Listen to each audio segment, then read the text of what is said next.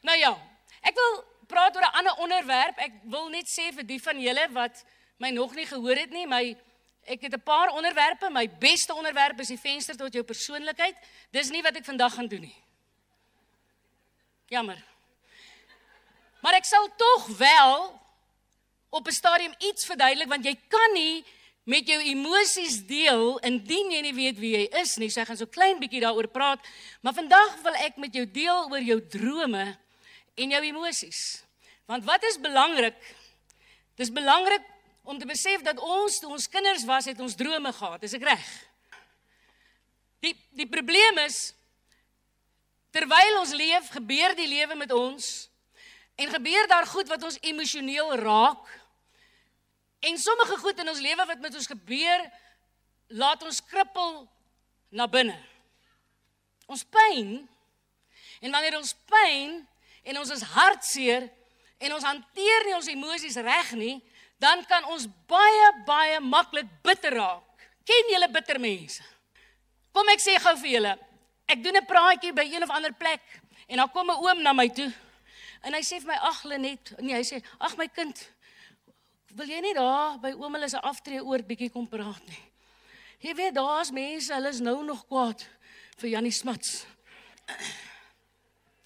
Is dit nie verskriklik dat mense kan kwaad wees oor goed van 10, 20, 30 jaar gelede nie? En bitter bly.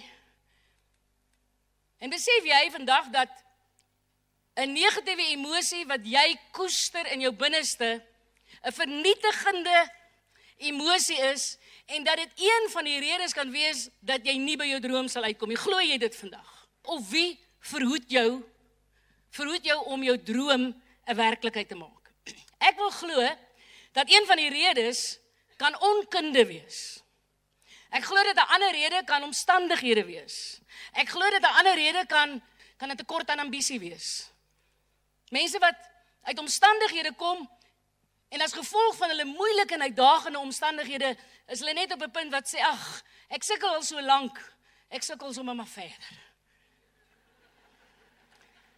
Ek onthou dat daar's 'n tannie vertel vir my na kerk die eendag sy woonstelle uitverhuur of 'n woonstel uitverhuur. Die tannie was nooit opgewonde as ons kerk toe gegaan het nie. Sy het nooit gelag nie.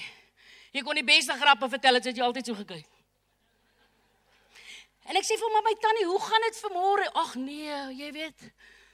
Jong, daai mense wat nou by my mos gehuur het, is weg.